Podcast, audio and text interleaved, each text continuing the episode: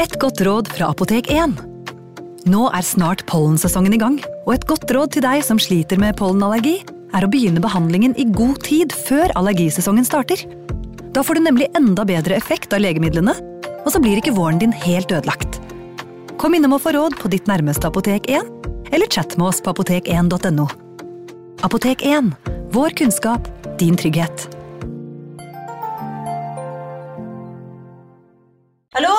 Jeg kommer fra Oslo politikammer.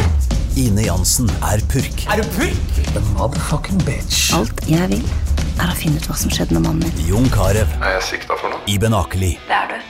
Ole So, Lars Berrum og Big Daddy Karsten. Hvem sin side er du på, egentlig? Anette Hoff, Tone Danielsen, Kommer du fra Afrika? Jørnis Josef, Nesten kløfta. Trond Espen Seim, Det er synd å si det, men det var feil mann som døde. Purk. Premiere tirsdag på TV2 Play. Advarsel. I denne podkasten vil du høre historier basert på informasjon programlederne har funnet selv. Programlederne står ikke nødvendigvis inne for meninger og syn som fremstilles. Noen påstander kan avvike fra virkeligheten.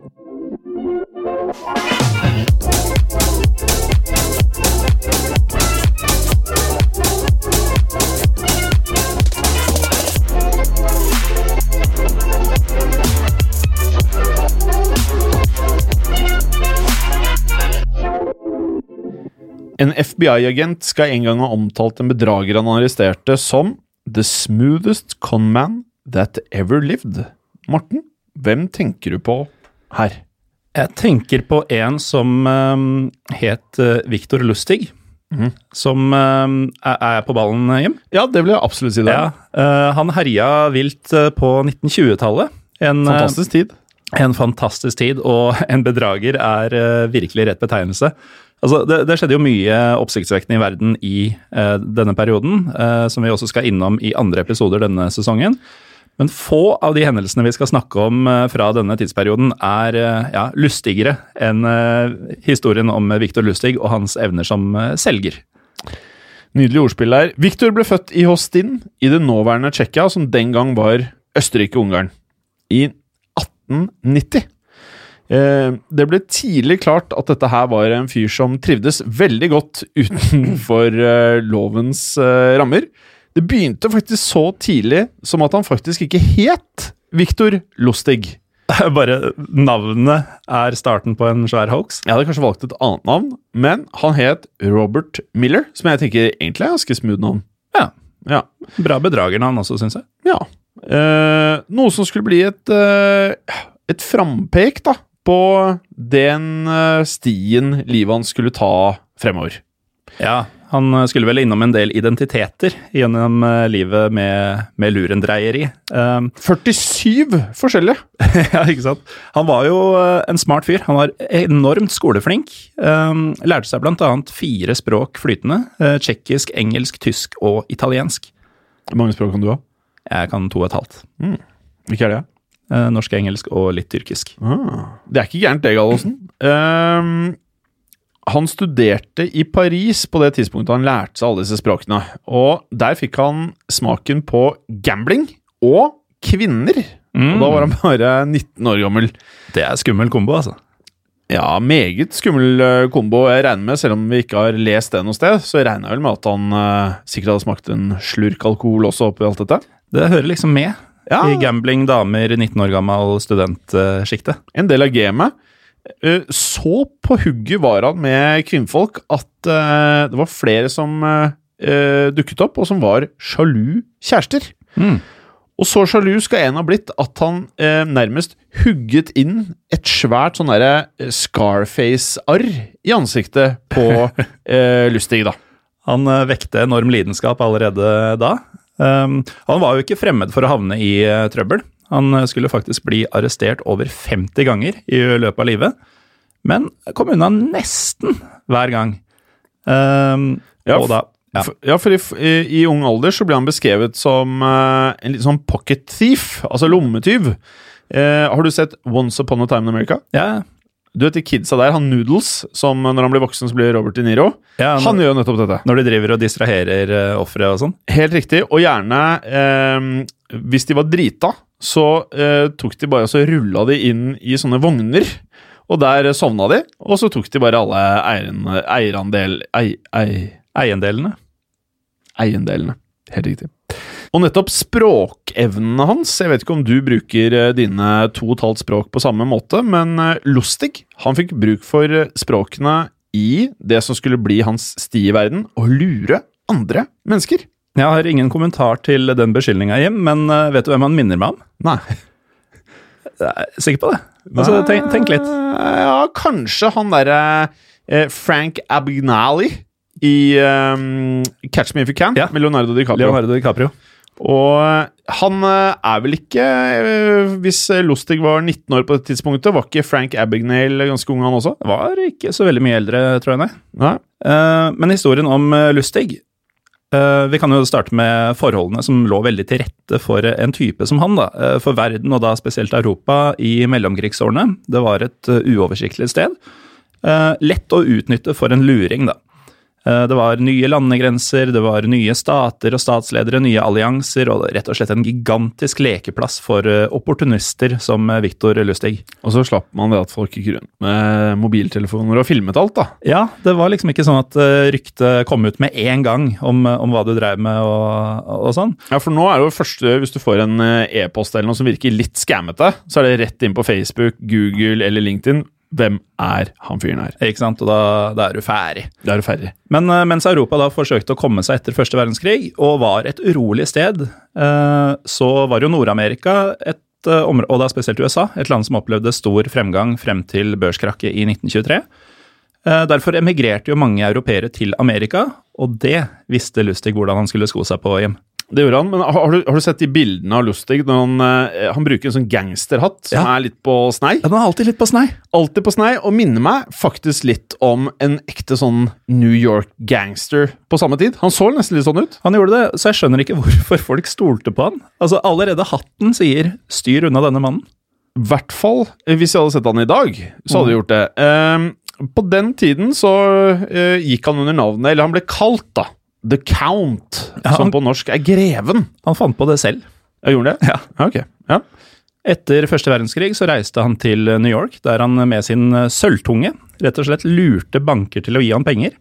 Men det var vel et annet sted han eh, skulle tjene de virkelig store pengene, Jim. ja, det var på sånne nydelige moneyboxes som eh, jeg syns egentlig alle burde eie. Ja, En moneybox. Det høres bra ut. vet du hvordan det funka? Nei.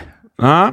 Har du noen gang vært i en situasjon Morten, hvor du har hatt en hundrelapp, eller kanskje en tusenlapp, men skulle ønske at det var to av de? Det er en meget gjenkjennelig situasjon. Ja, det skjer meg tid og ofte. En moneybox kunne løse dette problemet. Fordi eh, Lustig hevdet at disse boksene hadde radium, og som vi alle angivelig bør vite, så kan jo radium doble, doble pengebeholdningen. Det høres så lett ut å lure folk på 20-tallet. Veldig, og spesielt så hadde han jo da mm, den unnskyldningen at det tok hele seks timer for at radiumet på en eller annen måte da skulle gjøre det det skulle gjøre, for å doble antall sedler. Seks timer som Lustig da brukte til å komme seg til H eh, vekk eh, derfra. Til Håvek. Det var vel um, på ferjene, var det ikke det? Hvor han uh, prøvde å selge disse mellom, uh, for, til nyrike som reiste mellom Europa og USA. Han fant ut at uh, de som var på første klasse på ferger, båter, det var de nyrike og de ikke så altfor vanskelige å lure. Men hvor mye gikk disse boksene for? De gikk for mellom 20 000 og 30 000 dollar den gang, selvfølgelig. For ganske nøyaktig 100 år siden? da. Korrekt, som i dag inflasjonsjustert blir 254 000 dollar. Så jeg vet ikke, jeg kommer an på kursen, da, men rundt eh, 2,5 mill. kroner. da. Det er en liten pris å betale da, for å kunne lage egne penger for alltid. Det er en evighetsmaskin. Altså uendelig cashflow. Så det er, jo, det er jo nesten for godt til å være sant, skulle man tro. Uh, han klarte å lure de utroligste med, dine, med denne moneyboxen. Blant annet en sheriff i Texas kjøpte en sånn boks av han. Og da han senere fant ut at maskina ikke fungerte, så klarte han å finne igjen Lustig i eh, Chicago. Høres litt ut som en Chief Wiggum, eller? Ja, bortsett fra denne sheriffen faktisk fant Lustig, da. Men uh, Lustig, igjen med denne sølvtunga, klarte kunststykket å overbevise sheriffen Selvfølgelig. om at han uh, bare ikke hadde operert maskina riktig, og ga han da en kompensasjon i form av en stor mengde kontanter. Smart. Ja, det er som bare rett og rimelig, det. Som da senere igjen, da Lustig hadde forsvunnet, eh, selvfølgelig viste seg å være falske. Som sagt, litt Chief Wiggum over dette. Ja, det er mer uh, Wiggum, syns jeg. Og det sjukeste er at um, senere så ble denne sheriffen selv arrestert for å benytte disse falske pengene. Og Lustig, eh, på dette tidspunktet her, så begynte han å forstå at uh, nå hadde han lurt såpass mange folk. Han begynte å få fiender i USA, og han tenkte hvorfor ikke bare skifte jaktmark? Så han dro tilbake til Frankrike i 1925, der han snart skulle begynne planleggingen av sitt desidert største verk. Nemlig salget av Eiffeltårnet. ja, det er, det er, nesten for sykt til uh, at det kan være sant. Men sant er det, og i 1925 så inviterte han de fem største skraphandelsselskapene til det fasjonable Hotel Crayon i, Selvfølgelig gjorde han det. i Paris. Ja, man gjør det. Og fortalte dem da at uh, dette er topphemmelig. Så ikke et ord til noen som ikke sitter i dette rommet, men Eiffeltårnet skal selges som skrap, Selvfølgelig. sa han til disse. Årsaken var da ifølge Lustig at et eh, krigsherja Frankrike ikke lenger hadde råd til å vedlikeholde tårnet, og akkurat den delen var faktisk til en viss grad sann, Jim. fordi Eiffeltårnet var i en ganske skrøpelig forfatning, og byen fant det stadig dyrere å holde det ved like, da både materialer og maling kosta mye penger. Eh, han hadde lest en artikkel hvor det ble hintet om at innbyggerne før eller siden heller ville se tårnet fjernet enn å stadig kaste penger på det. Så denne skraphandelvarianten den var ikke så søkt som det kanskje kan virke. Og vi må jo huske at dette var det fjollete 1920-tallet, med hatter på snei og litt mindre kyniske folk enn i dag, Jim. Lustig var nå eh, Han tok rollen som en oppdiktet representant for hvis jeg uttaler det riktig, Minister de Post et Telegrafs. Mer eller mindre, altså Post- og telegrafdepartementet. Ja, øh, og han trengte kun ett møte med disse selskapenes eh, representanter før han fant det perfekte offeret, en André Poisson. Poisson. Poisson ja. Det betyr fisk, det. Ja, fisk, ja. Mm. Denne fisken var så klar for å kjøpe Eiffeltårnet at han øh, for han eh, tenkte at da ville han bli tatt på alvor i bransjen. Uh, og han var da så klar at Lustig lett kunne overtale han til å betale litt ekstra under bordet for å få tilslaget på Eiffeltårnet. Åh, smart. For Lustig var jo da, ifølge seg selv, en korrupt offisiell tjenestemann på oppdrag for den franske regjeringen. Ja, og Poisson, eller Fisken, han var jo så sikker på at det å eie selve Eiffeltårnet, det ville jo gi han en høy, høy stjerne i forretningseliten i Paris, og kanskje også i Europa. Og den store bestikkelsen, det føltes som en minimal pris å betale for fiskemannen. Så Poisson betalte ikke bare bestikkelsen, som da var av en viss størrelse, men også hele summen for tårnet. Og det tok Poisson noen dager å finne ut at han hadde blitt lurt, noe som er imponerende i seg selv. Eh, og da var jo selvfølgelig Lustig, som hadde gjort dealen i et helt annet navn, sporløst borte. Eh, han eh, rømte til Østerrike, der han hadde et midlertidig hjem og jevnlig sjekket franske aviser for å se om noen var på sporet av han. Eh, men han så aldri noe som helst om dette, og det var faktisk en del av planen, det også. Han hadde forutsett at Poisson ville være så skamfull at han nektet å gå til politiet med det, eller i det hele tatt snakke om at det hadde skjedd. Og det viste seg da at Lustig hadde rett i dette. Ja, og hvis man ikke blir tatt i å selge noe som man ikke engang eier selv, mm. hva gjør man da, Morten? Nei, eh, han var jo kriminelt uh, genial, så hva gjør han da? Han selger det på nytt. og Lustig han uh, bestemte seg da for å like gjerne eh, gjøre bedriften to ganger. Og hvorfor selge Eiffeltårnet én gang når du kan selge det to ganger? Ikke sant? Det var jo ingen i Paris som hadde hørt om salget, politiet var ikke etter han. Alt lå til rette for et nytt forsøk. Ja, og han fikk igjen solgt Eiffeltårnet. Denne gangen gikk det selvfølgelig da ikke helt så smooth. Politiet ble fort koblet inn, og han måtte flykte tilbake til USA. Så litt sånn skytteltrafikk mellom Frankrike og USA her.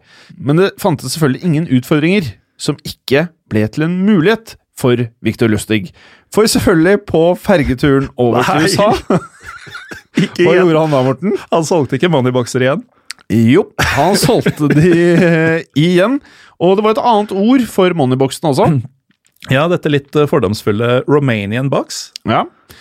Eh, og jeg må jo si, liksom, når vi, når vi har lest oss opp på dette her, da eh, Jeg lar meg sjarmere lite grann, på samme måte som Leonardo DiCaprio i Catch Me If You Can. Han er, ja, han bryter loven, og han er jo antagonisten, men du vil jo at han ikke skal bli tatt. Jeg syns han er helt herlig. Han er nydelig.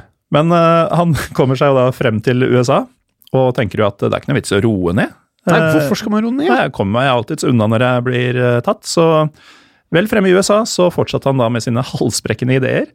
Han eh, bosatte seg i Chicago. Chicago på 1920-tallet, Jim. Eh, hvem ville du aller helst ikke forsøkt å svindle? Kanskje Chicago-mafiaen, enten verken den irske eller den italienske, og spesielt ikke den italienske, med Scarface, Scarface, ja. som har et veldig likt arr, som Ja. nevnte Lustig. Og Lustig fant jo da sin arrkamerat eh, Al Capone eh, i eh, Chicago. Og han lurte faktisk Al Capone til å eh, i anførselstegn investere 50 000 dollar, eh, igjen da ti ganger så mye i dag, i noe som eh, liksom skulle generere det mangedobbelte på sikt. Og det Lustig gjorde med disse 50 000 dollarene, det var eh, å oppbevare dem i en safe over en lengre periode, noen måneder, før han faktisk kom tilbake til Capone med pengene, litt overraskende vri her kanskje, og fortalte han at eh, denne dealen han skulle gjøre, den hadde ikke blitt noe av likevel. Eh, og Capone fikk da pengene sine tilbake, sorry, eh, og som en følge av dette så har ikke jeg lenger penger til å brødfø meg, sier Lustig da. Al Capone blir jo da så overraska over å ha med en ærlig mann å gjøre. Den ærlige mannen Victor Lustig, altså. At han rett og slett ga Lustig 5000 dollar for å komme seg på beina igjen. Og dette hadde vært Lustigs plan hele veien. Veldig smart. Altså en um, kriminell handling som du ikke kan få represalier for. Ja, For han fikk jo pengene! han fikk pengene. Igjen kriminelt genial, må man kunne si at uh, Lustig var. Um, men han igjen kunne gå for langt, og etter en langvarig svindel som igjen uh, inneholdt falske sedler, det skulle på en måte bli hans undergang, da. Så ble han avslørt av sin elskerinne, Billy May, som hadde funnet ut at han var langt fra den eneste elskerinnen han hadde, og det likte hun jo selvfølgelig ikke. Så det, det begynner litt som, eller det avslutter litt som det begynte. Ja, korrekt. Eh, og her var det ikke en sjalu kjæreste av personen han holdt på med. Her var det personen han holdt på med, som anmeldte Lustig til FBI 10. mai 1935. Og vet du eh, hvilken dag vi spiller inn denne podkasten? Vi spiller inn denne 8. mai. Ja. Så om to dager så kommer denne altså ut til befolkningen. 10. Samme dag som mai. eh, Lustig ble arrestert. Helt korrekt. Og det var på samme måte som at eh, Lustig planla veldig mye. Det var vår plan all along. Det var planen hele veien hjem. Nei, det var ikke det. Det var tilfeldig. Men eh, han blir jo arrestert. Ikke, det, ikke tro at sagaen ender her. Nei, selvfølgelig ikke. som den tegnefilmfiguren uh, Victor Lustig var, så klarte han å rømme dagen før rettssaken sin. Han spilte syk og forlot bygninga han ble holdt i med et spesiallaget tau. Ja, altså, Han klarte da å holde seg unna lovens lange arm i nesten en måned etter dette, før han igjen ble pågrepet da i Pittsburgh, Pennsylvania. Og her måtte jo han også se at slaget var eh, endelig. Han var ferdig, han ble tatt igjen, og han innrømmet at han var en storsvindler. Og for det så ble han dømt til 15 år på Alcatraz, i tillegg til ytterligere fem for rømningsforsøket. Og Alcatraz, der jeg har sett nok filmer til å vite at det var ikke så enkelt å komme seg vekk fra. Det var ikke det. Eh, Det er mye vann og sånn rundt den. Ja, det er kaldt av og til. Ja. ja. Mye bølger, strømmer. Eh, Og så ble det aldri sona 20 år på Alcatraz da for Victor Lustig. Ikke at han kom seg unna, men i mars 1947 så pådro han seg lungebetennelse, og døde av denne etter kun få dager på sykesenga. En liten fun fact uh, her sånn, før vi går over til uh, tidsmaskinen, Morten. Ja, altså han ble jo da fanga i 1935 og dømt til 20 år i Alcatraz.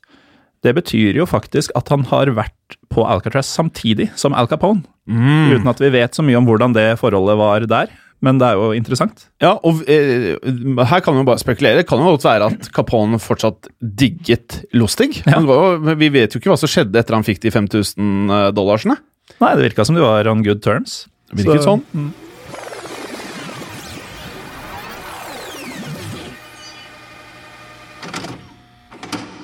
Tidsmaskin, tidsmaskin, tidsmaskin. Nin. Ok, Morten. Eh, tidsmaskin for dere som hører dette for første gang. Dette er spalten hvor Morten og jeg bestemmer oss for om vi hadde tatt en tidsmaskin tilbake til når dette faktisk skjedde. Ja, ville vi reist tilbake til det glade 20-tallet og opplevd lurendreiernes storhetstid, Jim? Ja, det definitivt gjort det. Det er ingen tvil i, uh, i mitt sinn. Bare ved å se et bilde av uh, Viktor Lustig, så tenker jeg det her er min tid. Ja, Og- def definitivt. Og jeg tror du hadde kledd klærne. Du er høy, to meter høy. Jeg kan bare se for meg å se stilig ut i disse silke mafia-silkedressene, som jeg blir kalt det. Men jeg liker også vi tar det for gitt at vi hadde hatt tilgang til sånne mafia-silkedresser og sånn. Ja. Jeg har ingen spesielle skills som hadde Jo, veit du hva? Fordi vi lever i 2019 Ja. og uh, har skjønt så mye at vi kunne jo høsla som et uvær på You got it. 1920-tallet. You got it. Vi kunne kjøpt aksjer og alt det der. Jeg vet ikke hva vi skulle kjøpt, men Venta eh, til etter 1923, kanskje, med det. Men ut ifra de bildene vi har sett, så ser det ikke veldig komplisert ut å lage tidenes feteste moneybox. Nei, ikke sant? Det er rett og slett eh, fire planker på sida. Én over, én under, og en eller annen metalldings hvor du kan putte på penger. Og så har du maskinen. Den har du. Vi kommer til å legge ut en liten videosnutt eh, som oppsummerer livet til Viktor på Facebook-siden vår. Ja, for nå har vi endelig fått opp Facebook-siden. Vi har det. Det er Takket være deg. Og, jo, litt deg òg, da. Veldig bra jobbet, Morten. Takk, takk. Men uh, i den videoen så ser du blant annet noen bilder av denne moneyboxen, og det ser jo egentlig ut som sånn Hva heter de, um, de spilledåsene som folk sto med på gata? Sånn megaspilledåse. Sånn med sånn derre Gjerne som du hadde en ape som satt på sånn for å tjene penger. Som så ut som sånn tuba ut. Men at det kom Lirekasse. Lirekasse, ja. Ja, det ser Åh. egentlig litt ut som lirekasser. Lirekasse. Har man en lirekasse, så er man litt bedrager, eller? Jeg tenker at det Ja, tenker. er ja. Mm, mm. Det er også den der lua på snei, eller hatten på snei. Da er det ingen tvil om hvilken karrierevei du har valgt. Og vi hadde jo bare rett og slett kommet litt tidligere og solgt Eiffeltårnet til fisken. Ja, vi måtte finne André på, eh, han på så, jeg. Poison. Mm. Og så hadde vi bare nøyd oss med ett salg. Jeg tror det hadde vært greit. Og så har vi jo den kjempefordelen at uh, selv om Lustig fikk det til, så hadde vi rett og slett visst bedre enn å prøve oss på Capone. Ja. Og så uh, hadde vi jo kjøpt litt aksjer, kanskje i Coca-Cola Company. Kanskje det? Kanskje det? Ja. Og Så- spørs det hvor gamle vi hadde vært, så kunne vi jo kanskje begynt å kjøpe litt sånn oljeselskaper. Hmm. Nei, livet vårt hadde sett lyst ut hvis vi hadde satt oss i denne tidsmaskinen. Kanskje ting hadde vært mye bedre enn det er i dag? Jeg tror våre liv hadde vært det. Ja, Verden hadde nok vært et verre sted. Ja, det er ikke så digg å få tuberkulose. Men bortsett fra det, dette er en hands down tidsmaskin. Yes! Ja, uten tvil. Men vil du ta tidsmaskinen for hengt med Lustig? Hvis eh, jeg hadde visst det jeg vet nå, og holdt den på en armlengdes avstand, ikke latt han sweet-talke meg inn i å investere noe penger i noe greier han hadde på gang og sånn, så hadde jeg gladelig tatt et par glass konjakk med Victor Lustig. Ja. Ja. Og kunne snakka engelsk med han. English. Da I would uh, do the same. Med det, Morten, noe mer vi skal ta på tampen? Vi vil jo gjerne ha ratings i iTunes. Selvfølgelig. Vi vil gjerne ha følgere på Historiepodden Norge på Instagram. Det vil vi også. Vi vil gjerne ha likes på Facebook-siden vår, Historiepodden Norge. Ja. Eh, og så vil vi at dere skal eh, abonnere i iTunes eller Spotify, eh, hvor du nå hører podkasten. Men det vet jo ikke du hvordan man gjør. På Spotify, så. Ja, på Spotify, vet du. Mm. Du kan lære dem opp i iTunes eh, senere. Morten, Mm. det har skjedd. Og det kan skje igjen. Men akkurat dette tror jeg ikke skjer igjen. Det er eh, ikke sikkert, nei. Med mindre vi kommer oss i tidsmaskinen og gjør dette på nytt. Ja, enig. Takk for oss. Takk for oss. Takk for oss. Takk for oss.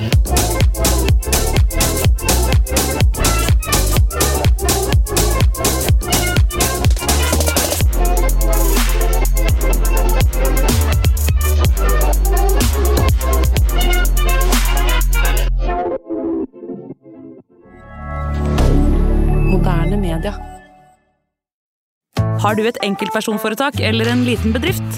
Da er du sikkert lei av å høre meg snakke om hvor enkelt det er med kvitteringer og bilag i fiken, så vi eh, gir oss her, vi. Fordi vi liker enkelt. Fiken superenkelt regnskap. Hei, og takk for at du lytter til Historiepodden. Skulle du ønske at du kunne høre en ny episode av Historiepodden hver eneste uke? Vel, da er det én ting å gjøre. Da kan du laste ned podkastappen Untold med det samme. For i tillegg til ukentlige episoder av podkaster som Historiepodden andre verdenskrig, Henrettelsespodden og også Gangsterpodden, så får du masse annet reklamefritt og også eksklusivt innhold. Last ned Untold i AppStore eller Google Play og start din 30 dagers gratis prøveperiode allerede i dag.